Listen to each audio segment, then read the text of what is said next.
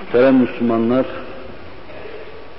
en son mevizede Resul-i Ekrem aleyhissalatu vesselamın Cenab-ı Hak tarafından mükellef ve muvazzaf bulunduğu kulluk vazifesini bir hakkın yerine getirdiği hususunu arz etmiştim.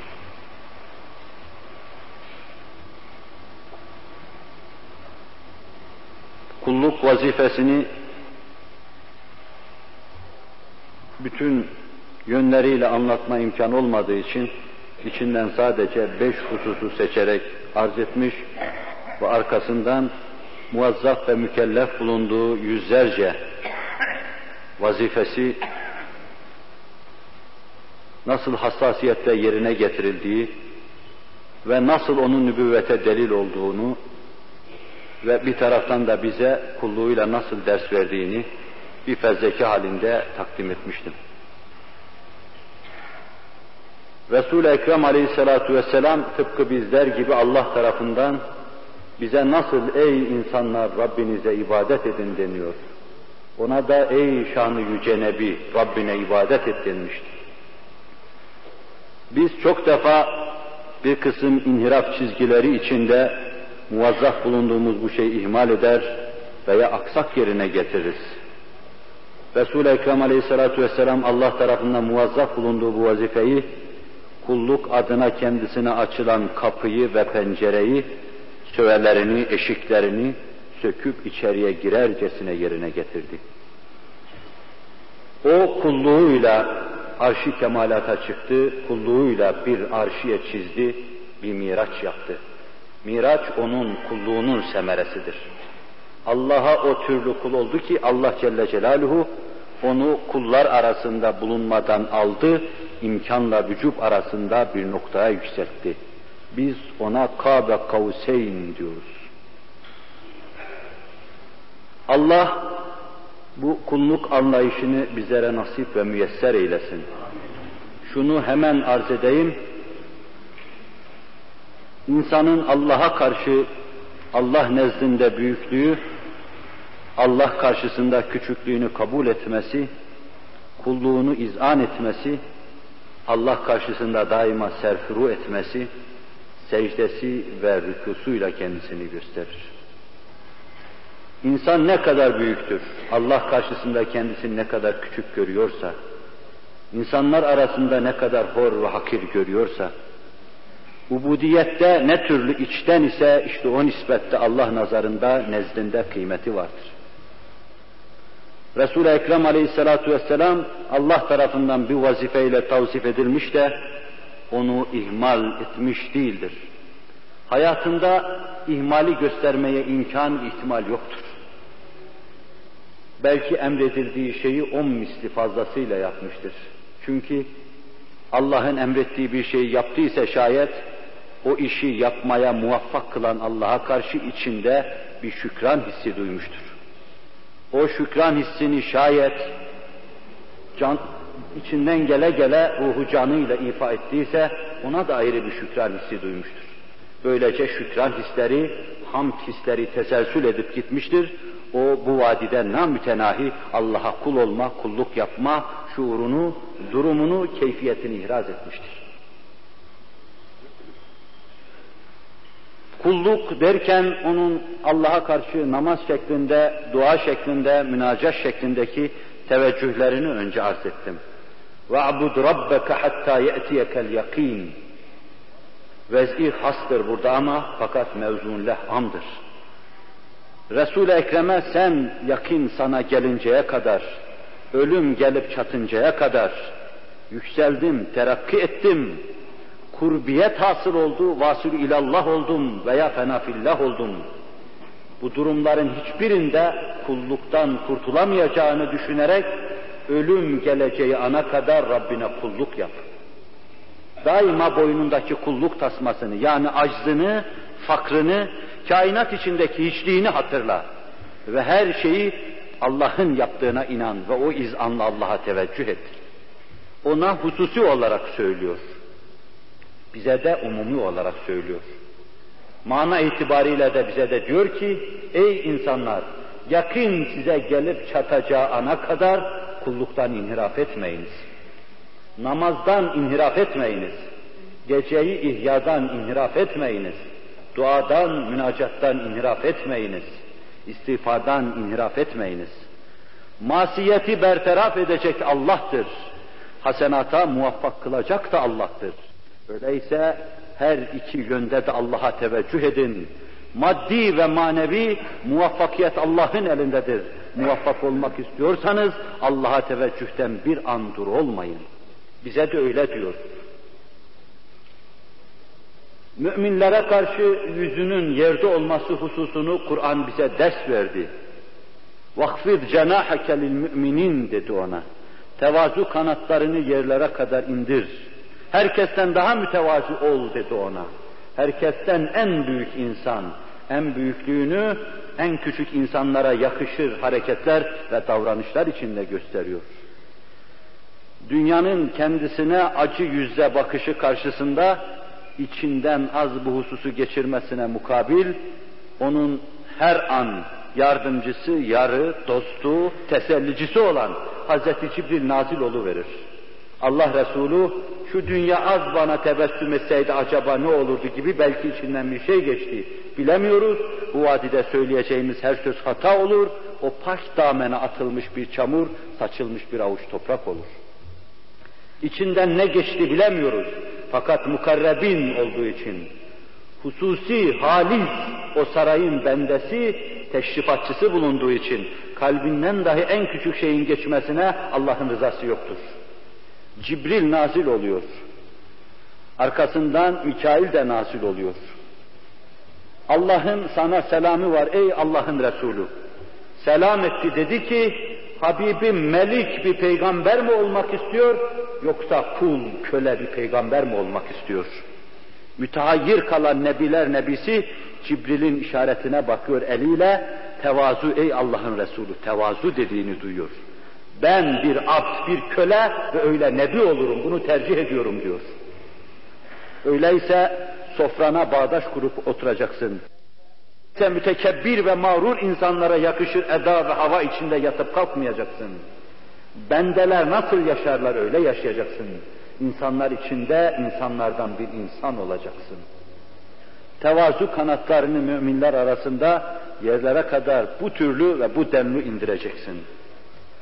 O o kadar büyüktü ki, insanlar içinde o kadar büyüktü ki, onun tevazuna had ve hesap yoktu, sınır yoktu. Zaten büyüklüğün alameti küçüklüktür. O kadar büyüktü ki insanlarla görüşebilmek için eğiliyordu.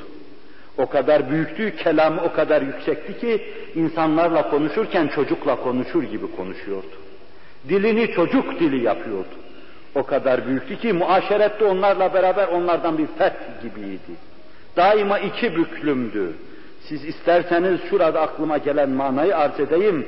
Miraç'ta Kabe Kavseyn derken o kavsün takavvüs etmesini onun daima kulluk anlayışı karşısında belini çatır çatır çatırdatan kulluk karşısında takavvüs etmesi şeklinde anlayın.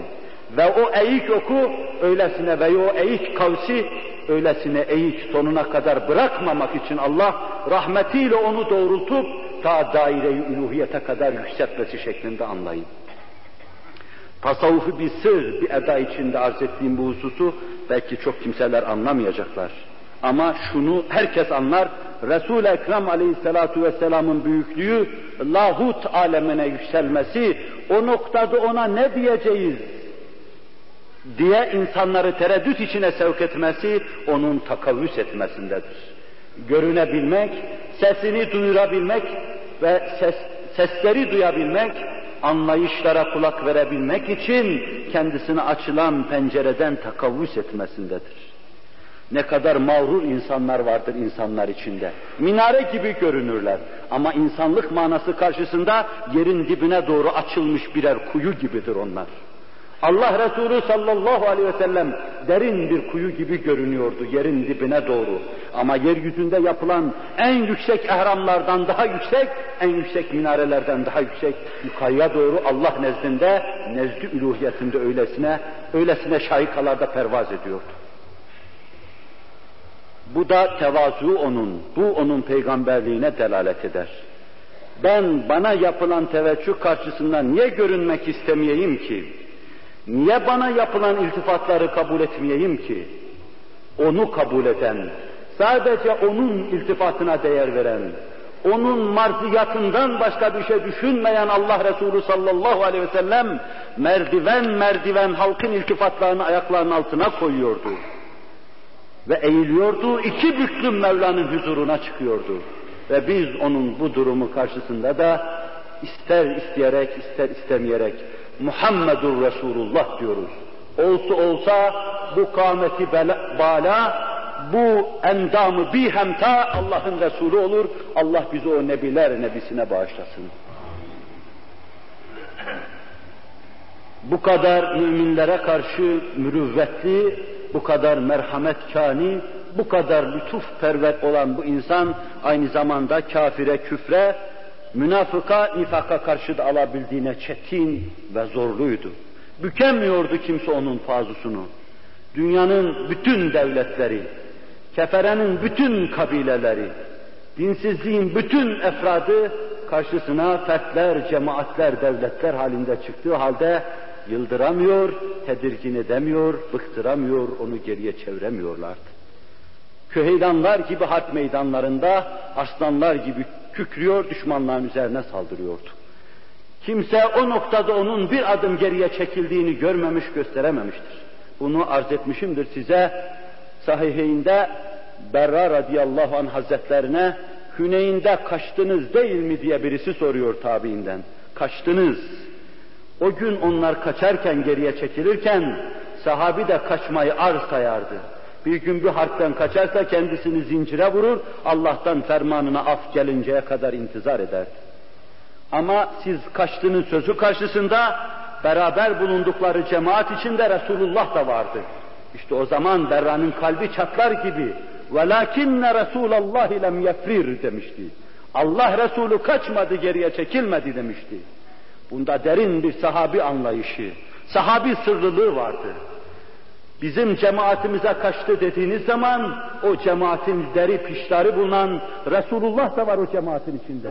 Zinhar sakın semti nübüvvetine böyle bir şey gitmesin diye hemen peşin fakat Resulullah sallallahu aleyhi ve sellem firar etmedi demek suretiyle ihamı bu şüpheyi bertaraf ediyor. Resul-i Ekrem Ya eyyühen nebiyyü cahidil kuffar aleyhim ve me'vahum cehennem ve bi'sel masir fermanı sübhanisini dinledikten sonra kafirlere aman vermez hale geliyor. Münafıklara aman vermez hale geliyor. Bu dersi de ariz, amik arz ettim sonsuz şefkatin, sonsuz şiddet ve hiddetle bir arada bulunması ancak Nebi'ye has bir keyfiyettir. Bu dahi bize Muhammedur Resulullah dedirtiyor. Resulullah sallallahu aleyhi ve sellem aynı zamanda ahkam-ı ilahiden başka hiçbir şeye bel kırmamış, boyun bükmemiştir. Bel kırmış, boyun bükmüşse ahkam-ı ilahiye bel kırmış, boyun bükmüştür. Kanuni ilahinin dışında bir hüküm vermek, bir karara varmak aklının köşesinden geçmemiştir. Allah'ın ahkamıyla hükmetmiş, Allah'ın dediklerini yerine getirmiştir. Kanunları ezelde vaz eden Allah, la yetalde Resul-i Ekrem aleyhissalatu vesselam tarafından onların infazına şahit olmuştur. Allah kanun vaz edendir. Nebiler nebisi de o kanunları infaz eden icracıdır. Onlardan bir tanesine muhalefet etmemiştir öyle kanunlar icra etmiştir ki o kanunların bir kısmını kendi nefsine tatbik iktiza etmiştir. Ve seve seve rahatlıkla bunu tatbik etmiştir. Öyle kanunlar icrasını Allah onu muvaffak kılmıştır ki içi yana yana, sinesi ağlıya ağlıya, gözleri dilhun ve ceyhun ola ola Allah'ın emrettiği o şeyi icra etmiş, yerine getirmiştir. Bu hal dahi onun peygamberliğine delalet eder. İşte kulluk derken onu sadece namaz kılma, oruç tutma şeklinde anlamayalım. Çepeçevre müminin hayatını içine alan Allah'a karşı vazifelerimiz mecmuasından ibarettir. Bir kısım emirlerden, bir kısım nehilerden ibarettir. Menfi bir kısım ibadetlerden, müsbet bir kısım ibadetlerden ibarettir. Bütün bu ibadetleri yerine getirmeye ibadet diyoruz. Bu işi yapma ameliyesine kulda tezahürü keyfiyetiyle ubudiyet diyoruz. Bunu yapana abd diyoruz. O en yüksek payeyi bu suretle almış, Muhammedun, Muhammed abduhu, Allah'ın abdidir. Ünvanıyla serfiraz olmuş, kurbi ilahiyeye mazhar olmuştu. Bu sadece kulluk keyfiyetiydi. Bu derste de Allah'ın tevfik ve inayetine istinad ederek inşallahü teala onun tebliğini arz etmeye çalışacağım. Mevzu tekrar baştan alıp arz etmeye de fayda mülahaza etmiyorum. Resul-i Ekrem Aleyhisselatü Vesselam'ın kamil iltizamı dediğimiz, yani insanlara söylediği şeyleri onlardan evvel harfiyen sımsıkı tutup yaşaması nasıl onun peygamberliğine delalet ediyor, öyle de Allah'tan aldığı emirleri başkalarına tebliğdeki titizlik ve hassasiyeti dahi Muhammedur Resulullah dedirtiyor. O farz-ı olarak bu vazifeyle muvazzaftı. Farz-ı ayındı onun Allah'ın emirlerini anlatması. Kur'an'ı tebliğ etmesi en büyük bir farzdı onun için. Kendi peygamberliğini anlatması en büyük bir farzdı. Namazın, orucun, haccın üstünde en büyük bir farzdı. O vazife büyük insana, kuvvetli insana farz-ı ayn olarak terettüp etmişti. Allah zayıflara lütfetti, bizim gibilere ağır yük kaldıramayanlara o vazifeyi farz-ı kifaye olarak tahmil etti. Ama bir cemaat eğer bu vazifeyi bir hakkın yapmıyorsa, cem'i nefir zamanı hakim ise, sistemli ve resmi olarak Allah anlatılmıyorsa, cenaze namazı kılınmayan bir memleketin bütün namaz kılanları mesul olduğu gibi o memleketin bütün insanları mesul olur, günahkar olur, huzuri ilahiye gittikleri zaman tar dolunurlar, yüzlerine bakılmaz onların. Tebliğ vazifesi Nebi'nin üzerinde farz-ı ayn, bizim üzerimizde de farz-ı kifayedir. İşte bu iki yönlü meseleyi arz edip, bir tarafıyla kendi vazifemizi görmeye çalışacak, diğer tarafıyla da onu büyük vazifesinin altında nebi olarak idrak etmeye bakacağız. Allah hakikati hakikatin kâmeti kıymetine uygun anlatmaya ve anlamaya muvaffak kılsın bizleri inşallah. Ya eyyuher Resulü bellig ma unzile ileyke min rabbik ve illem tef'al fema bellagte risalete. Vallahu ya'simuke minen nas. İnna Allah la yehdil kavmel kafirin. Sadakallahul azim. Ey Allah'ın Resulü! Maruf, meşhur, malum nebi demektir. Başındaki harfi tarifle nebiler arasında serfiraz, müstesna keyfiyeti olan büyük peygamber demektir. Sana diyorum dikkat et. Rabbinin sana tebliğ ettiği, emrettiği şeyler insanlara tebliğ et. Onların birinde küçük bir kusur yapar, tebliğde fütur getirir ve küçük bir inhirafa maruz kalır veya inhiraf edersen, sen Allah'ın sana yüklediği peygamberlik vazifesini yapmamış olursun. Bu büyük vazifeyi yaparken de kefere ve fecereden sana gelecek ki devahi karşısında sakın sarsılma, korkma. Allah seni koruyacaktır sana söz veriyor. Senin inandığın Allah, seni arşı kemalata çıkaran Allah, Kabe kavseyne yükselten Allah seni koruyacaktır. İnna Allah la yehdil kavmel kafirin. Allah'ın zaten kafirler hakkında hidayeti barit değildir. Bununla beraber sana şöyle diyor Allah Celle Celaluhu. Kafirlerin elinin sana yetişmesi hususunda Allah onlara imkan vermeyecektir. Onları haip ve hasir bırakacak, muratlarını tahsil etme mevzuunda daima bedbinliğe, ümitsizliğe gark edecektir. Onlar el uzatacaklar sana, sana dokunmak isteyecekler fakat emellerinde muvaffak olamayacaklardır. Bu ayetin siyakında vallahu la yehdil kavmel kafirin mübarek cümlesini böyle tefsir etmek bana daha uygun geldi. Burada bir hususa dikkatinizi istirham edeceğim. Mevzuya girmeden. Resul-i Ekrem aleyhissalatu vesselam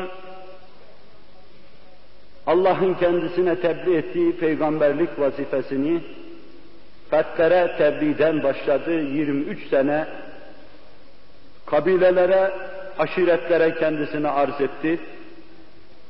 Cemaatlerin toplandığı yerleri keşfetti, oralara rihlet buyurdu, göç yaptı. Cemaatlerle gitti, görüştü. Panayır yerlerine adım adım takip etti. Çeşitli panayırlara iştirak etti. O da tüccarlar gibi bir alışveriş yapıyordu. Bir şeyler verecek, bir şeyler alacaktı. Ama ne arabası ne atı vardı, ne arkasında yükü ne de kumaşı vardı. Onun insanlara satmak istediği şey Allah'ın rızası, almak istediği şey de insanların Allah'a imanıydı. Bu alışverişi yapacaktı. İşte bu büyük meselenin dellalıydı. O böylesine Allah'ın dellalıydı. En aziz emtianın ticaretini yapıyordu ve bu ticareti iştira eden kimseler en büyük şeyi almış müşteriler olacaktı. Ama siz görün ki o devri cehalette o üst üstüne karanlıkların birbirini takip ettiği o devirde Resul-i Ekrem'in bir hemta sattığı bu elmaslara kimse talip olmuyordu. En iyi yüz gösteren cemaati o sonra bize şöyle anlatıyor. Ben falan cemaatin yanına gittim. Bana biraz yüz gösterdiler. İşlerinden birisi dedi ki, biz seni şimdi kabul edelim, nübüvvetini de tasdik edelim ama sen vefat ettikten sonra bu iş bize kalsın. Bu işin imaretini, amirliğini, melikliğini biz yürütelim. Ben de onlara dedim ki bu Allah'ın elindedir. Allah dilediğine, murat buyurduğuna bunu miras bırakır. Ve işte en iyi yüz gösteren bunlar olmuştu. Demek ki diğerleri Allah Resulüne hakaret ediyor, yüzüne tükürüyor, başına toz toprak saçıyorlardı. O meliklere, ümeraya nameler yazıyor, onları hakka davet ediyordu. İran şehnişahına name yazıyordu, Habeş hükümdarına, Necaşi'ye name yazıyordu ve Kıpti hükümdarı Mukavkıs'a name yazıyordu, Hiraklus'e name yazıyor, şerefli ashabını gönderiyor, hak ve hakikati onlara da duyuruyordu.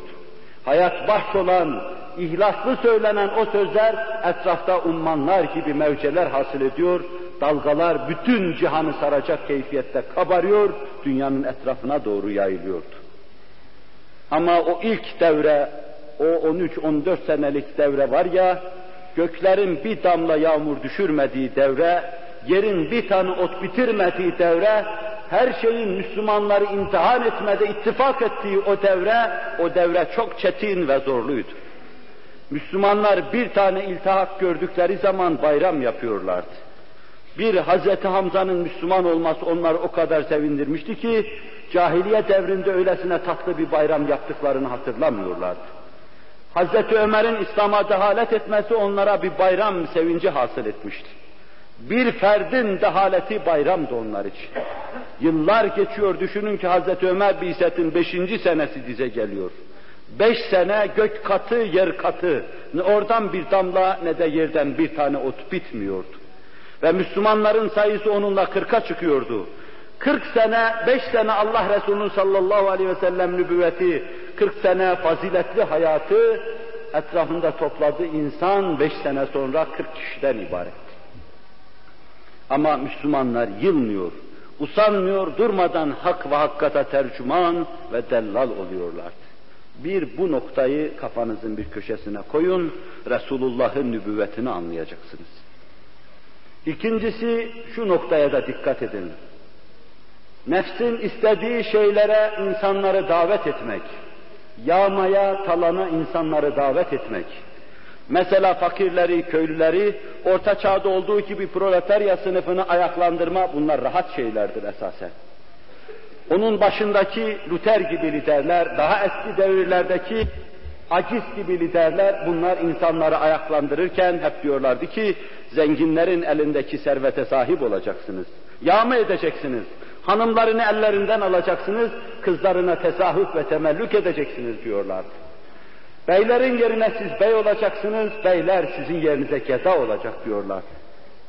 Bir Allah'a iman da bunun altında Judaizm'de olduğu gibi anlatılsa bile, Martin Luther'de olduğu gibi anlatılsa bile, fakat asıl nazarı dolduran, gözü dolduran, kalpte büyük bir ağırlık olarak kendisini hissettiren husus, yağmacılıktı, talancılıktı. Onun için şu şuursuzca kalabalıklar bir araya geliyor, yuvarlandıkça büyüyor, devletlerin bünyesine çarpıyor, yağma talan oluyor, istediklerini, umduklarını elde ediyor, bazen bozuluyor, bazen de o işi devam ettiriyorlardı. İster başka şekilde içtimai bir hareket olsun, isterse o devirdeki manası, keyfiyetiyle komünizm hesabına bütün hareketler hep böyle olmuş ve böyle neticelenmiştir. Kadının, kızın ibaha edildiği topluluk olmuştur. Yemenin, içmenin, yağma şeklinde insanlığa takdim edildiği hareketler, ihtilaller hazırlanmıştır. Nebinin hareketi bunlardan tamamen başkadır. O kendi efradına ve etbaına der ki, siz galebe çaldığınız mağlup milletlerin bir arpasına dahi tenezzül etmeyeceksiniz. Kadına, kıza elinizi sürmeyeceksiniz. Manastırlara çekilmiş insanlara dokunmayacaksınız. Yaşlıların kılına dahi temas etmeyeceksiniz. Hak ve hukuka tecavüz etmeyeceksiniz. Dünya malından istediğiniz gibi değil, Mevla'nın istediği gibi temettü edeceksiniz. Bugün burada iseniz, yarın arpanın yedide birinden hesap vermek üzere Allah'ın huzuruna çıkacaksınız. Bugün sarayda olsanız dahi, yarın yerin altında yılanın, akrebin, çıyanın yanına gideceksiniz. Bir muvazene, bir muadele ile yapmıştır. Onun için Nebi'nin inkılabıyla sair içtimaiyatçıların inkılabı arasında büyük fark vardır. Onlarda ağılın, çitin önü açılıp da dört ayaklı mahlukların salı verilmesi gibi ırza, namusa, mala, mülke, menala insanların salını verişini görüyoruz. İnsanların salma gezmeye sevk edilişini görüyoruz. Ama Nebi'nin hareketinde insanların zapturapta alındığını, insanların nizama ve intizama davet edildiğini, insanların dünyayı terk etmeye davet edildiğini, Mevla-i Müteal'in rızasının taç veya taşlarda sorguç olarak kabul edilmeye davet edildiğini görüyoruz. Evet, Nebi'nin inkılabını da böyle anlayalım.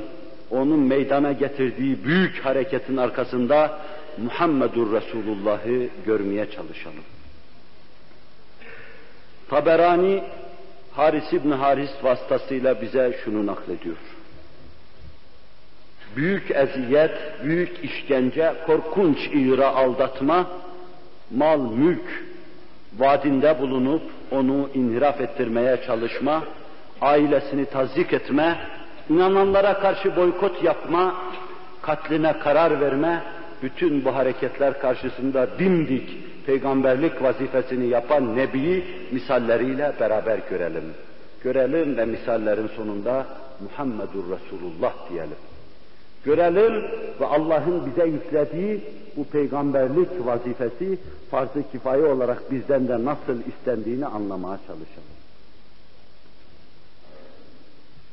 Haris İbni Haris, cahiliye devrinde Allah Resulü zuhur buyurmuş.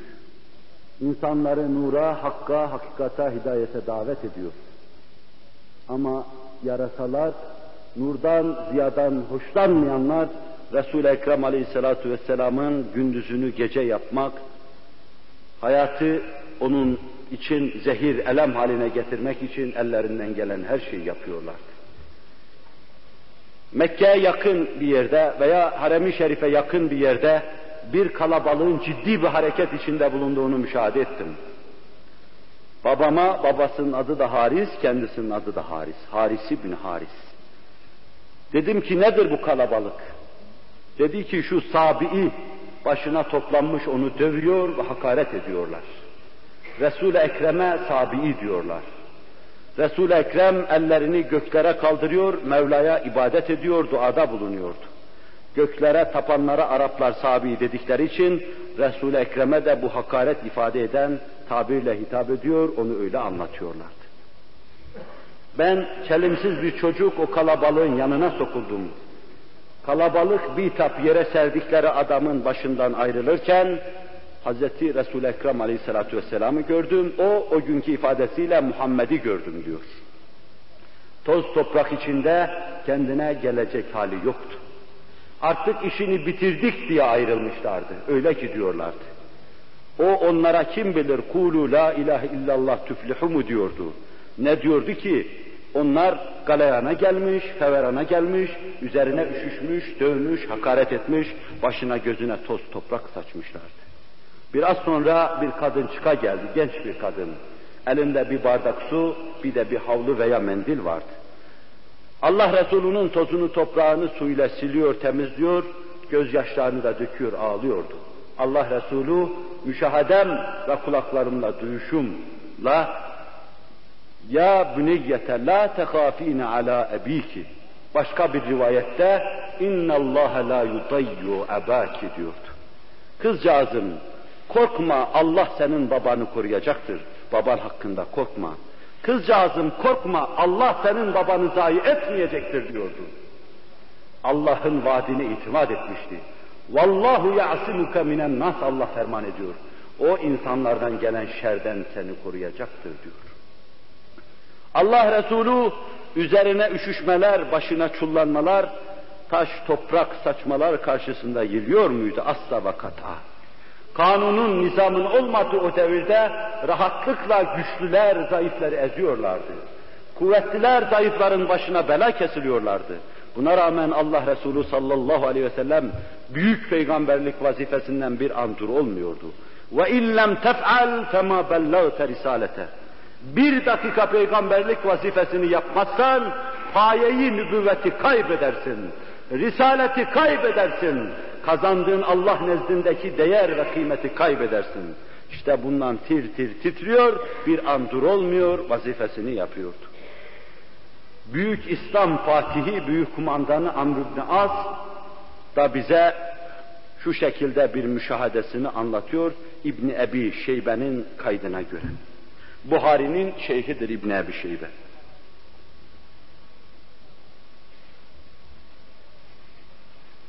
Resul-i Ekrem Aleyhisselatü Vesselam'ın ölümüne kim bilir kaç defa karar verilmişti. Ve kim bilir kaç çeşit ölümle Resul-i Ekrem Aleyhisselatü Vesselam'ın karşısına çıkmışlar.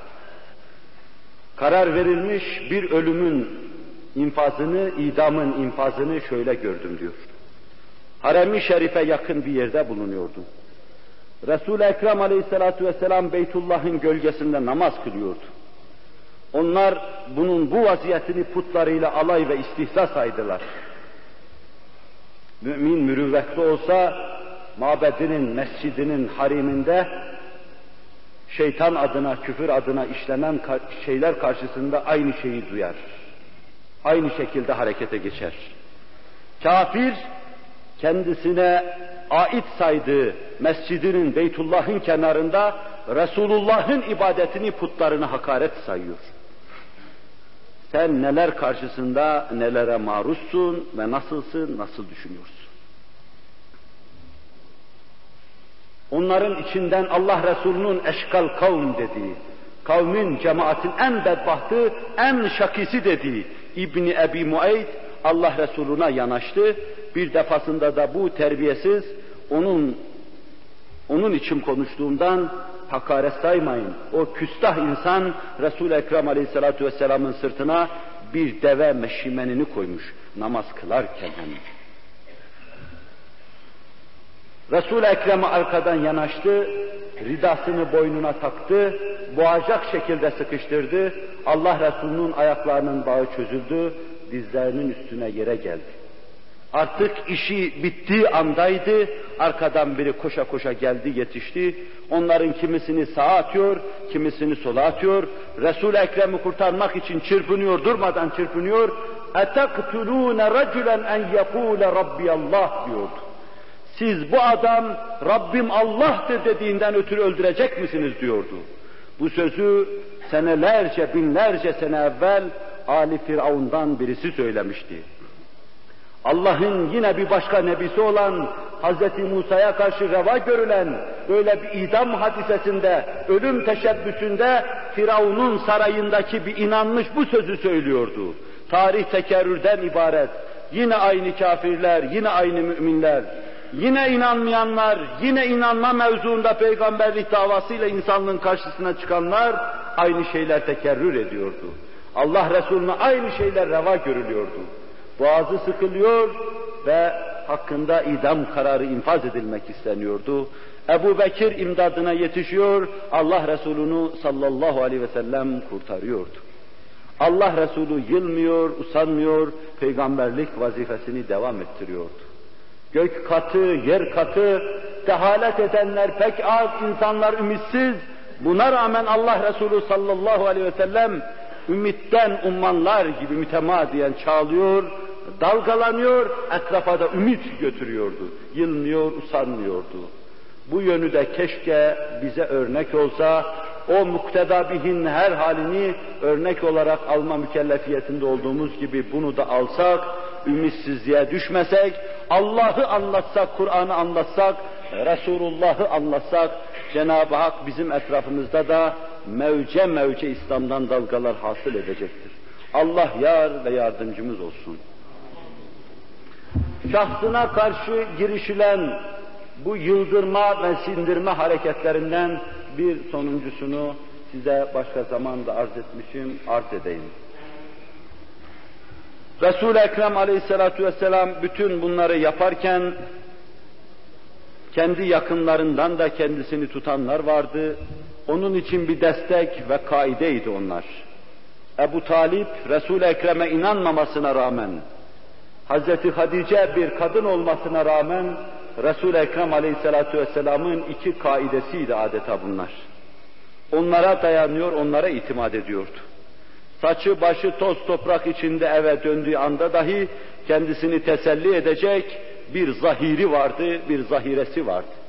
Hazreti Hadice her hususta imdadına koştuğu gibi o zaman da imdadına koşuyor, saçını başını tarıyor, tozunu toprağını siliyor, sen Allah'ın Resulusun ey Allah'ın Resulü diyor, onu teselli ediyordu.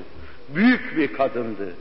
Ve büyüklüğünün bir yönü de şudur, o büyüklüğünü tamamlar o yön onun, o acı devrini yaşamış, diken devrini yaşamış, kan irin devrini yaşamış, gül devrini görmemiş, bülbül olamamış, şakıyamamıştır. O ağladığı zaman göçüp gitmiştir. Saçını başını artmış, dişlerini dökmüş, Allah Resulü ile sallallahu aleyhi ve sellem geçirdiği o müddet zarfında 20 küsür senelik hayatında her şeyini Resul-i Ekrem aleyhissalatu vesselamın uğrunda feda etmiş, daha hicret olmadan, İslam sitesi kurulmadan, müminler gülmeden ahirete irtihal edivermiştir. Onun için ona Resul-i Ekrem hiç söz söylettirmezdi. Onun için Resul-i Ekrem onunla alakalı bütün hatıralara hürmet ederdi. Onun için hiç kimseyi kıskanmayan Hazreti Ayşe çok defa onu kıskanırdı. Yaşlı kadına karşı niçin bu kadar bağlılık ishar ediyor diye Resul-i Ekrem Aleyhisselatü Vesselam'a sorduğu bile olurdu. Büyük bir kadındı. Büyük nebiye kâmeti kıymetine uygun Allah bir kadın ihsan etmişti. Ama Biset'in 8. senesi Ebu Talip Garp'ta grup etmişti, Hazreti Hadice de Şark'ta grup etmişti. Ebu Talip doğmamak üzere batıyordu, Hazreti Hadice de burada ağlamıştı, öbür alemde yeniden doğmak üzere bir şartta batıyor fakat bir daha işrak etmek üzere Mevlasına gidiyordu. İşte o zaman Resul Ekrem'in en sıkıntılı devresi başlıyordu. En acı günler birbirini takip etmeye başlıyordu. O kadar ki Mekke artık sinemde seni barındıramıyorum diyordu. Yakın akrabalarının bulunduğu Sakife karar verme mecburiyetinde kaldı. Kalktı Sakife gitti. Orada akrabaları vardı. İtimat ettiği eşraftan Amr'ın oğullarının yanına gitti, onlara halini arz etti. Bunlardan bir tanesi Abdiya Leyl ibn Amr, Kubeyb ibn Amr, Mes'ud ibn Amr. Halini bunlara arz etti. Ben Allah'ın Resulüyüm dedi. Mekkeliler beni tanımadı, dinlemediler dedi. Bana ittiba ve iktida ederseniz Allah maddi manevi size şeref bahşedecektir dedi. Dünyanızı payidar, ahiretinizi mesut edecektir dedi. Bunlar hüsnü kabul göstermediler. Resul-i Ekrem'in yüzüne bakmadılar. Bir müşrik olarak misafir gitseydi belki yemek yedirirlerdi, yemek bile yedirmediler. Bir müşrik misafir geçseydi su içirirlerdi, süt takdim ederlerdi. Üzüm mevsimi bağ bozumuydu, üzüm ikram ederlerdi. Resul-i Ekrem'den bunların hepsini esirgediler. Esirgemekle de kalmadılar. Bunlardan bir tanesi en büyüğü Allah Resuluna sallallahu aleyhi ve sellem eğer sen Allah'ın nebisiysen ben Kabe'nin örtüsünü çalarım demek suretiyle küstahlıkta bulundu. Yani sen nere, nebilik nere demek isnadında, iftirasında, haşa ve kella tezifinde bulundu, tahkirinde bulundu. İkincisi Allah Resuluna sen nebiysen seninle konuşmayacağım artık. Nereden konuşayım ki sen büyük bir insansın. Tenezzül eder misin benimle konuşmaya der gibi o da ayrı bir küstahlıkta, ayrı bir terbiyesizlikte bulundu. Üçüncüsü Allah Resuluna Allah senden başka gönderecek insan bulamadı mı seni gönderdi demek suretiyle hakaret etti.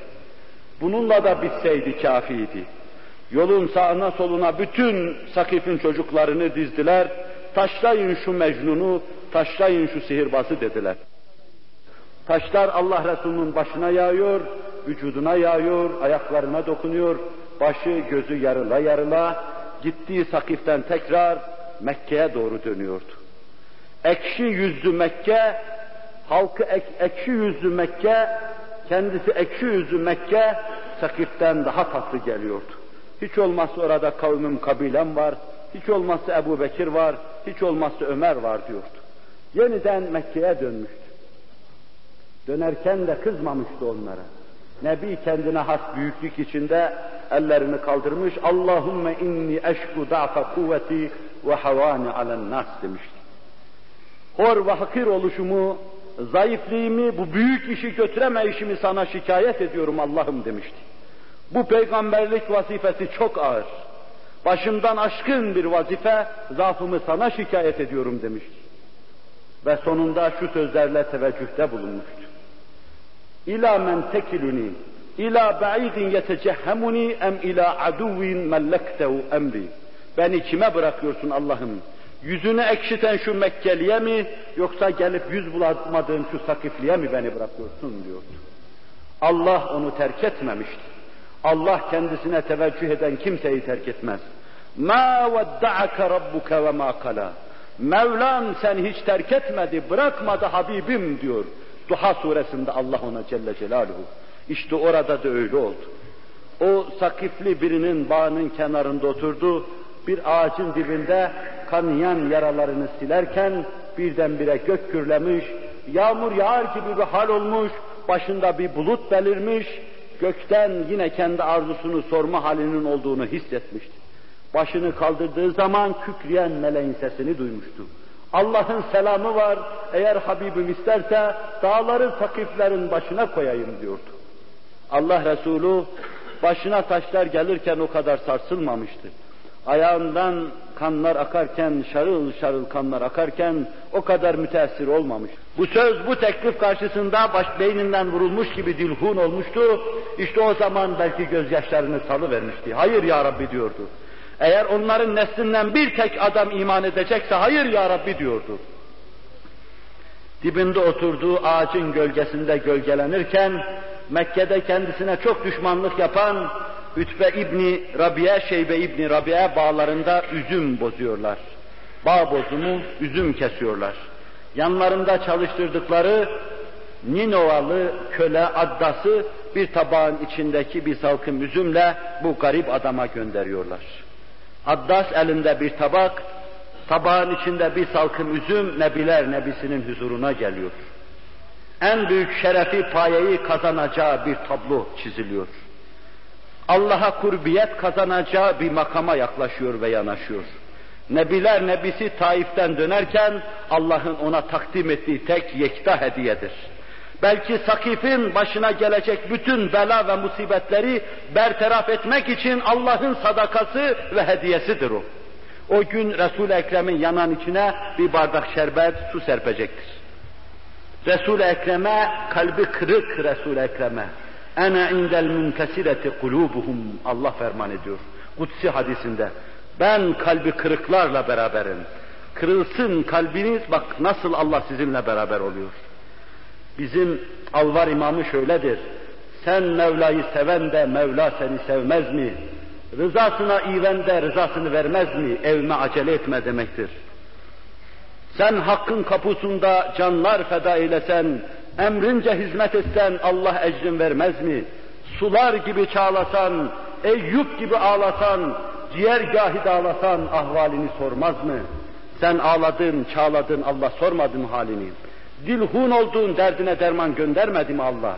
Başına taş geldi de kulum nem var demedi mi Allah Celle Celaluhu? Sen ne zaman teveccüh ettin, el kaldırdın da ellerin haip ve hasir olarak geriye döndü. Bir de düşünün, kalbi arştan büyük. Arş, kürsi ve bütün kevn mekan adına yaratılan nebiler nebisi, kalbi kırılmış arştan daha büyük kalbi kırılmış, Allah o haliyle müteveccih, halini Allah'a şikayet ediyor. Allah ona sadaka göndermez mi? Salkım tabağın içinde Resul-i Ekrem'e uzanırken Rahman Rahim Allah'ın adıyla mealinde Bismillahirrahmanirrahim diyor. Addas bu kelimeyi hiç duymamıştı orada. Zat-ı üluhiyetine uygun Allah'ı tavsif etme, büyüklüğüne göre Allah'ı anma, o anışla yiyeceği şeye, içeceği şeye başlama. Bu türlü lafı hiç duymamıştı. Bu mahsa bir tevhid ifade ediyordu. Allah'ı anlatıyordu bu. Adeta o esnada başına bir kova su dökülmüş gibi duş yaptı Addas. Sen kimsin ben buralarda böyle söz duymadım diyordu. Cennet kapısına doğru yanaşıyordu. Yıkanıyordu, yunuyordu. Allah Resulü onun sualine cevap vermeden ona sordu sen nerelisin? Ben Ninovalıyım. O zaman Resul Ekrem bir kat daha münkesir oldu. Bir peygamberi hatırlama yeniden onu dilgir ediverdi. Bir zaman Ninova'nın peygamberi Yunus Aleyhisselam da ki Buhari'de müteaddit yerlerde beni Yunus bin Metta'ya tercih etmeyinizdir Allah Resulü. Beni ondan üstün kabul etmeyin der. O Ninova'nın büyük peygamberi. Kavmi onu da dinlememişti. O da şehrinden dışarıya çıkmıştı. O da denize atılmış, balık tarafından yutulmuştu. Rahmeti ilahiyle sahili selamete çıkmış şecere yaktin altında Cenab-ı Hakk'ın rahmetini görmüştü. Bütün bunları Kur'an'ın talimiyle hatırlayan Resul-i Ekrem bir kat daha kırılmış ve sarsılmıştı. Dudaklarından da Addas'ın duyacağı şekilde kardeşim Yunus'un memleketi Ninova demişti. Sen Yunus'u nereden biliyorsun? Ben de onun geldiği menbadan geldim. O da peygamber, ben de peygamberim. Onu dinlemedikleri gibi beni de dinlemediler. Senin yoluna kurban, seni gönderene kurban diyen Addas, Resul-i Ekrem'in üzerine abanmış, saçını sakalını öpüyor. Ben seni nerelerde arıyordum Allah seni bana gönderdi diyor. Ne demek lazım bu bezme girmek için? Ne demek lazım bu devrana karışmak için? Bu devrana, bu bezme dehaletin nişani La ilahe illallah Muhammedur Resulullah diyordu. Bir iki dakika evvel Allah Resulü bir tek adama cihanı bağışladığını Allah'a karşı ilan etmişti. Adamı dakikasında Allah ayağına göndermişti. Resulullah memnundu, Addas memnundu, Allah hoşnuttu, cihan hoşnuttu. Sevinç içinde, itibat içinde Resul Ekrem Aleyhisselatü Vesselam Mekke'ye dönüyordu. Yılmayan Nebi, köy köy, kasaba kasaba, şehir şehir dolaşıyor. O büyük dava kavrandıktan sonra niye dolaşmasın ki? Dolaşıyor, o büyük davayı anlatıyordu. Nefsime anlatamadığım şu büyük davayı, büyük hakikati Cenab-ı Hak vasıtasız, perdesiz, bizim engel olmayacağımız şekilde müminlerin kalplerine duyursun, o ona susamış vicdanları o hakikati uzma ile doyursun inşallah. Teala. Bununla sadece şahsının maruz kaldığı tazyiki, yıldırma, sindirme hareketlerini, onun bu mevzuda direnmesini, yılmamasını, usanmamasını, peygamberlik davasını bir hakkın götürmesini görmüş olduk. Ve bunun arkasında siz ve ben vicdanlarımızı dinlediğimiz zaman Muhammedur Resulullah'ın yazılı bulunduğunu müşahede edeceğiz. Muhammed Allah'ın Resuludur. Öyle yapması lazım sallallahu aleyhi ve sellem. Acıması, şefkat etmesi lazım. Tebliğ etmesi lazım. Yılmaması, usanmaması, sinmemesi, yılgınlık göstermemesi lazım. Ve el-hak vazifesini yaptı, arkasında olanlar da bir hakkın vazifesini yaptı. Şimdi vazife yapma sırası bize geldi. Nice yapar, nasıl davranırız Allah bilir. Şimdiye kadar İslam'ın yüzünü ak edenler hiç onu yere baktırmadı, yüzüne tozu toprağı bulaştırmadılar. Şu anda bizden aynı şeyler bekleniyor. Aynı şeylerin bizden beklendiği bu devrede Cenab-ı Hak İslam'ın ak yüzünü ak etsin, cihanı ak olarak göstersin inşallahü teala. Onu dünya mamelekiyle, meliklikle, servetle, samanla, güzel kadınlar teklifiyle, ira ile, teşvikle, inhiraf ettirmekle, büyük davasından alıkoymak için ne diller döktüler, neler anlattılar, nelerle o yola koyuldular. Fakat Resul-i Ekrem aleyhissalatu vesselam bir an vazifesinden dur olmadı. İşte bu noktada da aklıma gelebildiği kadarıyla bir iki misal arz edeceğim. Şimdiye kadar büyük dava, büyük hakikat, kuvvetli diye nice omuz, omuzlara bindi, fakat onlar bir kısım şeyler karşısında secde etti, serfuru ettiler. Allah'ın kulları dünyaya, Allah'ın kulları zinete, debdeyip, debdebeye, alayişe, Allah'ın kulları makama, caha, mansıba secde ettiler. Allah'a secde eden ve o büyük vazifeyi, büyük davayı omuzundan atmayan çok az oldu. İşte bu Nebiler Nebisi sallallahu aleyhi ve sellem. Ütbe İbni Rebi'ayı binlerce vaitlerle Resul-i Ekrem'in karşısına çıkardılar. Sen kavmini, kabileni birbirine düşürdün. İnsanları, fertleri birbirine düşman yaptın. Ne istiyorsun, talebin nedir? Servetse bütün servetimizi sana verelim. Makamsa seni melik yapalım. Dünyanın en güzel kadınlarıyla evlendirelim. Yığın yığın cariye getirip sana takdim edelim.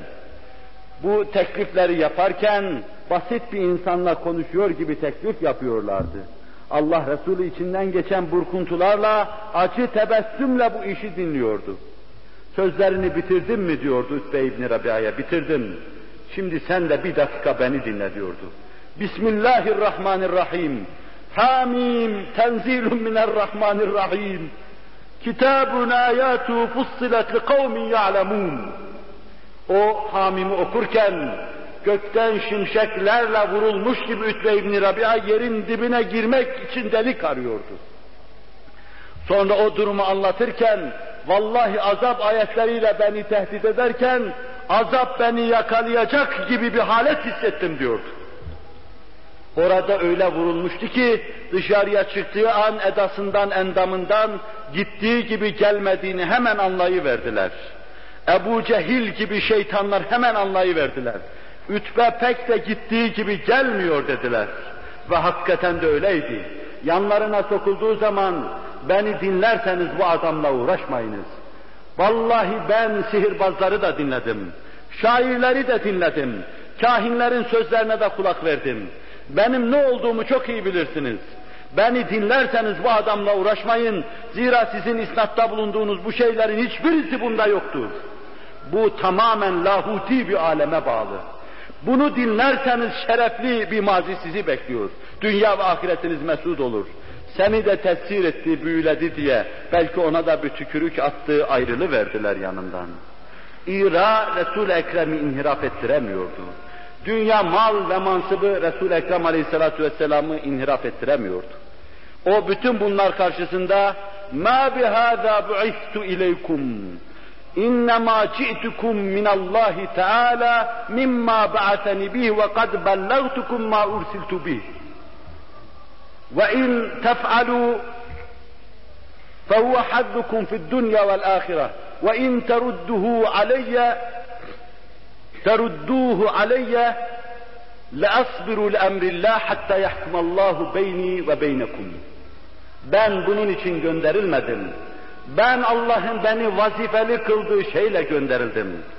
Ben Allah'ın risalet vazifesi olarak bana yüklediği şeyi de size tebliğ ettim. Peygamberlik vazifesini yaptım. Eğer dinlerseniz, kabul eder yaparsanız bu dünya ve ahirette sizin nasibinizdir. Burada payidar, orada mesut olursunuz. Eğer bana reddederseniz beni yıldıramazsınız. Ben de yılgınlık göremezsiniz. Ben Allah'ın emri için sabredeceğim. Ta Allah sizinle benim aramda hükmünü vereceği ana kadar diyordu. Madem bu mevzuda bizi dinlemiyorsun, öyleyse memleketimiz fakirdir, Şam gibi, Irak gibi zengin olsun. Memleketimizde çaylar çağlasın, ırmaklar aksın. Bol bol yağmur yağsın, bağlar bitsin, ormanlar olsun. Allah'ına böyle dua et. Dağlar altın olsun, yanında yürüsün. Allah Resulü biraz evvel arz ettiğim aynı sözleri söylüyordu. Benim vazifem bu değildir, bunları benden istemeyin. Benim vazifem tamamen başka şeydir. Ben peygamberlik vazifesiyle gönderildim ve onu size te tebliğ ettim. Nasibiniz budur, dünya ve ahirette mesut ve bahtiyar olacaksınız diyordu. Onlar bu mesele karşısında yine Resul-i Ekrem Aleyhisselatü Vesselam'ı başka bir çıkmaza itmek için Babalarımızı ihya et. Hususıyla bunların içinde Kusey İbni Kilab'ı ihya et. O doğru sözlü bir insandır. Peygamberliğine şehadet etsin, biz de inanalım. Allah Resulü, ma bihâzâ bu'istu ileykum. Ben bunun için size gönderilmedim diyor, yine reddediyordu. Gök parça parça olsun üzerimize dökülsün. Yer şak şak olsun bizi yutsun. Böyle bela ve musibet gelsin başımıza sen Allah'ın peygamberiysen. Haydi bunu yap görelim. Allah Resulü yine ma bihâzâ bu'istu ileykum diyordu. Evet bir gün gök şak şak olup başınıza dökülecek. Yer şak şak olup sizleri yutacak. O büyük bir gündür. O gün Allah artık kimseyi, kimseyi iflah etmeyecek. Kimseye felah vermeyecek herkesi yeriyle bir edecektir. Ama o bir kere olacaktır. O günü de göreceksiniz. Resul-i Ekrem'i dinlemeyenler olarak o günü de göreceksiniz. Fakat ondan evvel Bedir'i de göreceksiniz, Mekke fethini de göreceksiniz, Hüneyn'i de göreceksiniz ve Resul-i Ekrem'in kahredici kılıcı altında dize geleceksiniz, serfiru edeceksiniz. Onu da gösterecek Allah Celle Celaluhu. İşte nübüvveti, risaleti anlamayan, bu gözü dönmüşler, her şeyi maddede, refahta arayanlar, Resul-i Ekrem Aleyhisselatü Vesselam'ı saptırtmak için ellerinden gelen her şeyi yapıyorlardı. Müstakim doğan, müstakim bir davanın doğması için çalışan, müstakim yaşayan, müstakimlere rehber ve piştar olan nebiler nebisi istikamette devam ediyor ve inhiraf etmiyordu. Bu hal ve bu keyfiyetiyle o bize Muhammedur Resulullah dedirtiyor. Bu hususta bir misal daha arz edecektim. Vakit geldiği için Cenab-ı Hak taksiyatımızı affetsin. Bu parlak, ciddi, onun nübüvvetine ait bir meseleyi kâmeti kıymetine uygun anlatamadığından, sönük düştüğünden Allah af buyursun. Amin. Sadece niyetime gönülleri makes kılsın, onu da halis eylesin niyetimi, Resul-i Ekrem Aleyhisselatü Vesselam'ı ona göre onunla tanımaya bizleri muvaffak kılsın. Lillahi Teala'l-Fatiha.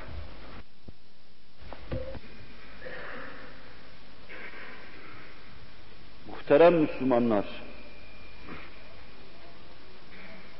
maddi manevi muvaffak olma bir kısım mahrumiyetlere katlanmaya bağlıdır hayatında hiçbir mahrumiyeti, hiçbir işkencesi olmayan bir insan muvaffak olamaz. Dünyada suri bir muvaffakiyet görülse bile bu devamlı değildir. Ahiretteki muvaffakiyet ise asla bahis mevzu olamaz.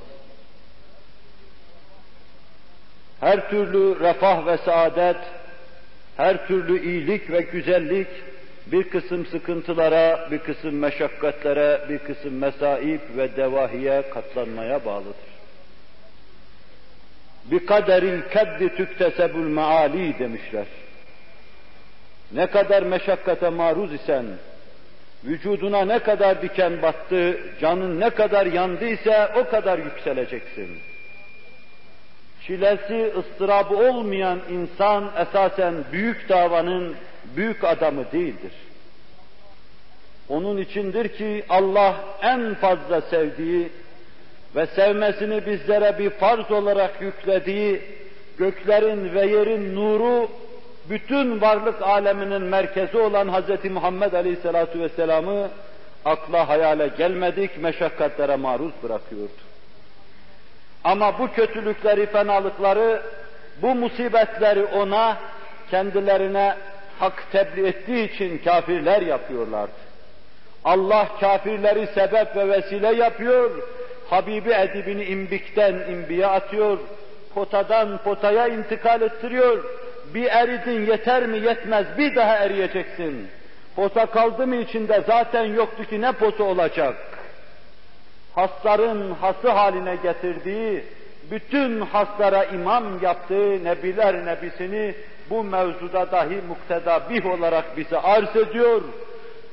Kudvetuna Resulullah sallallahu aleyhi ve sellem diyen bizler, önderimiz, rehberimiz, piştarımız Hz. Muhammed'dir diyen bizler, karşımızda bu hususta dahi onu örnek görelim diye, mukteda bih görelim diye.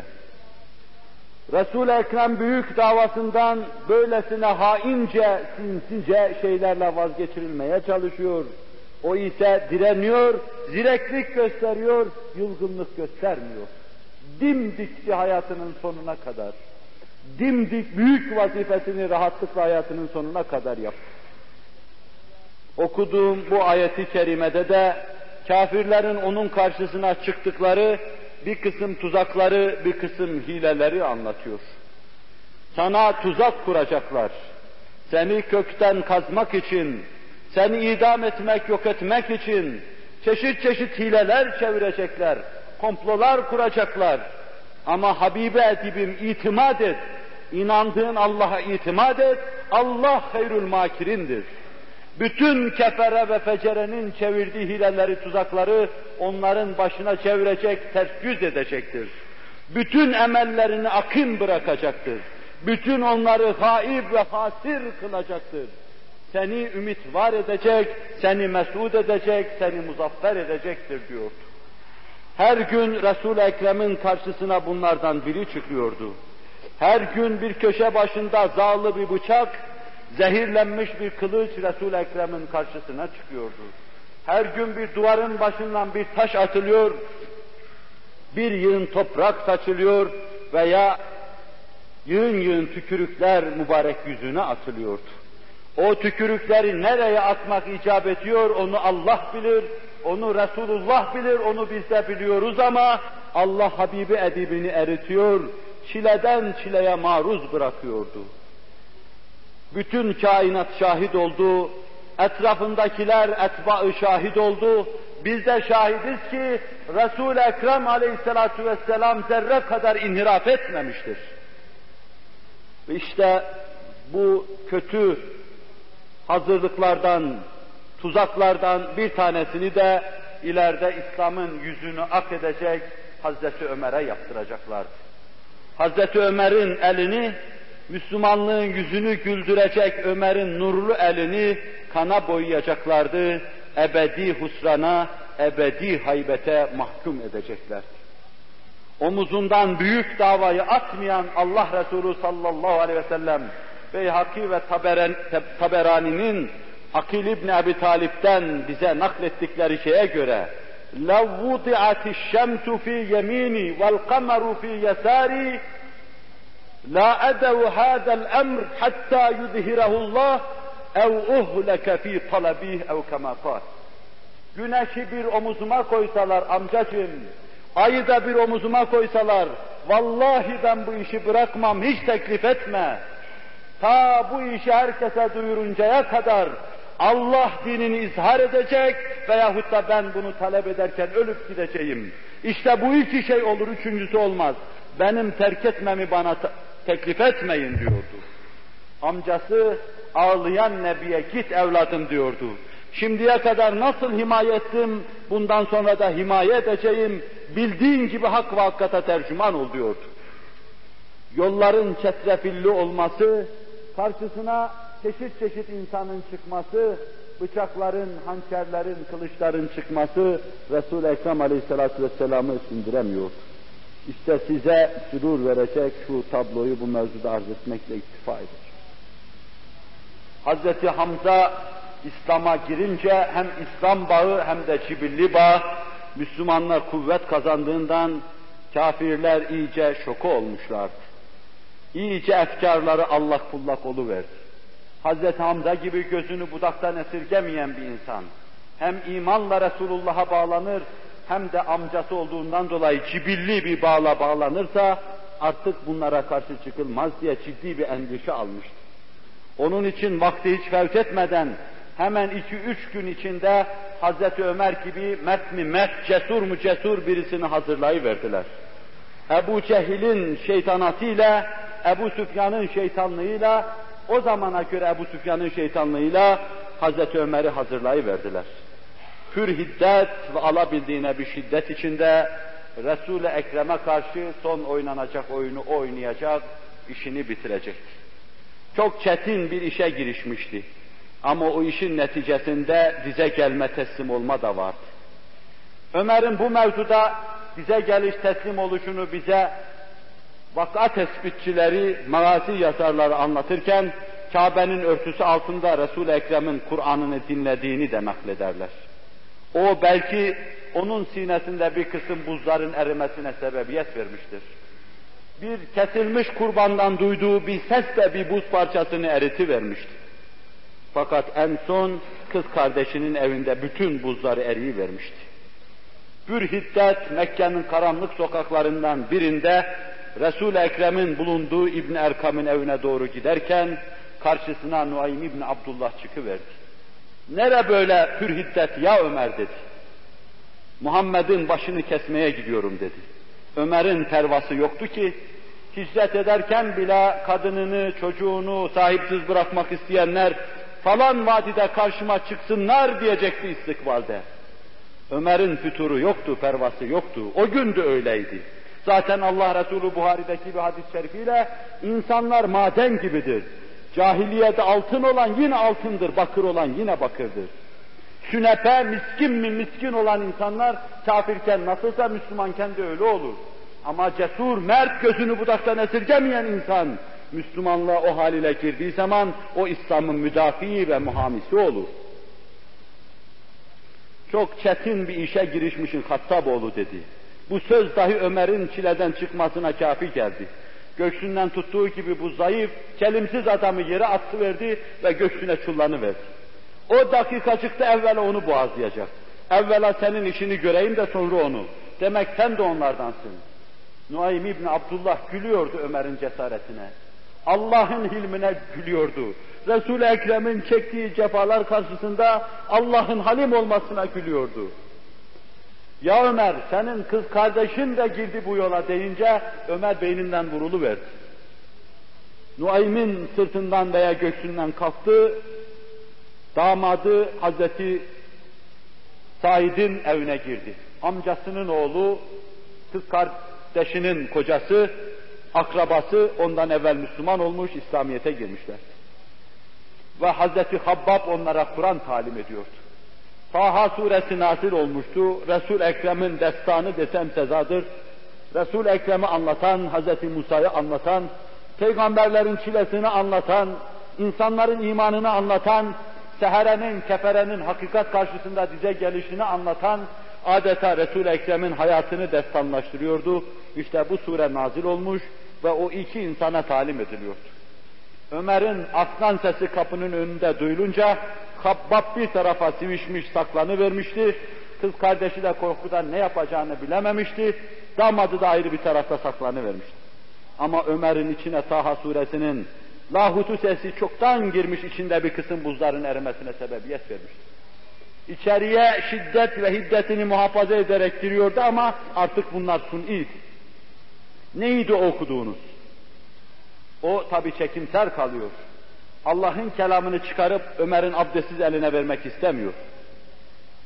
Kız kardeş damadının yakasından tutup yere atınca kız kardeşi araya giriyor. Ağzından yediği yumrukla kanlar içinde yere serilen kız kardeşi Allah'a teveccüh ediyor. Mazlumun, kalbi münkesirin o esnada Allah'a teveccüh de ağzından çıkan dua, münacattaki mübarek kelimeler iksir gibi tesirini gösteriyor. Ömer getirin o Kur'an parçasını bana. Sure-i Taha'yı eline alıyor, kemal edeple onu okumaya başlıyor.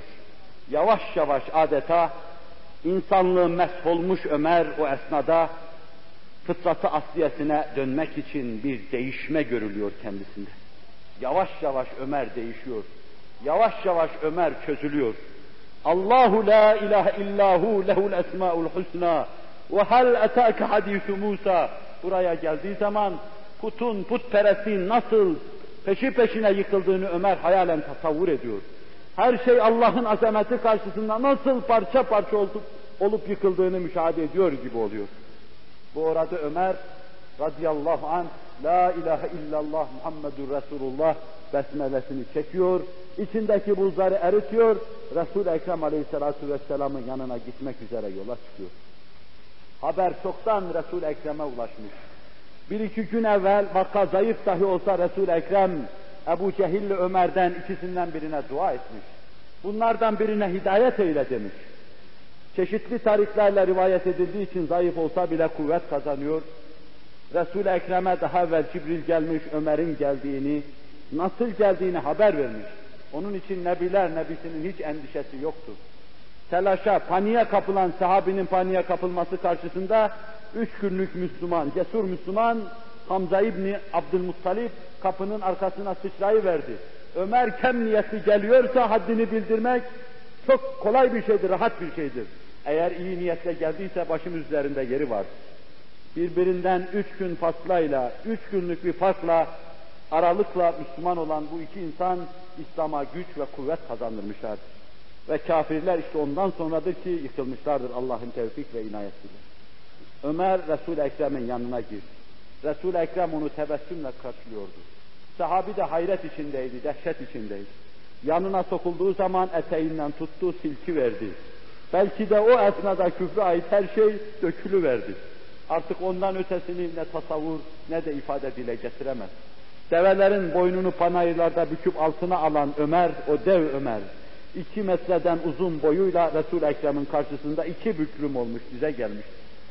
Huzur Resulullah'ta öyle erimiş, öyle tükenmiş, öyle küçülmüştü ki Allah Resulü onu sinesine bastığı an oradan ayrılan Ömer başka bir Ömer olarak ayrılıyor. Kılıcıyla onun başını kesmeye giden Ömer, kılıcını kınına sokmuş, Müslümanların 39 Müslümanın önüne düşmüş, açıkta namaz kılalım enerjisi, açıkta namaz kılalım cesareti, açıkta namaz kılalım hakkaniyete, hakka bağlılığı havası içinde dışarıya çıkmış. Müslümanların İslamiyetlerini ilan etmeleri Ömer'in o günüyle olmuştu. Allah Celle Celaluhu bütün yeryüzü Müslümanlarının bir Ömer beklediği bu devirde şahsi manevi halinde bu Ömer'i zuhur ettirsin. İslamiyetimizi ilan ve izhara bizleri muvaffak kılsın. Hak ve hakikatin açık, berrak yüzünü güldürsün, bizleri de güldürsün. O günden sonra İslamiyet zuhur etti. O günden sonra Allah Resulü'nün meydana getirdiği mevceler bütün afakı sardı. O günden sonra onun sadık yarlarının, yaranının, atlarının nareleri, naraları bütün cihanın her tarafında duyulmaya başladı. Cihan Hazreti Muhammed'in cihanı oldu sallallahu aleyhi ve sellem. O dalgaların en küçüğü, 20. asrın kurumuş, patlak patlak, çatlak çatlak olmuş sahiline gelse dahi biz elhamdülillah sinelerimizde onun muhabbetini, ona imanın coşkunluğunu, ona bağlılığı hissediyor ve Allah'a binlerce hamd ve sena ediyoruz. Onu anarken, ona ait şeyleri anlatırken sanki sahabinin içinde gibi kendimizi hissediyoruz. Sanki Ömer şimdi geldi, sanki şimdi çıkıyor gibi. Allah bütün gönüllere duyursun. Allah hissiyatımızı hüşşar eylesin, kalplerimizi hüşşar eylesin. İslamiyeti hakiki manasıyla, gerçek yüzüyle kavramaya bizleri muvaffak kılsın. Ela inne ahsenel kelam ve eblan nizam. Kelamullahil melikil azizil allam. كما قال الله تبارك وتعالى في الكلام وإذا قرأ القرآن فاستمعوا له وأنصتوا لعلكم ترحمون.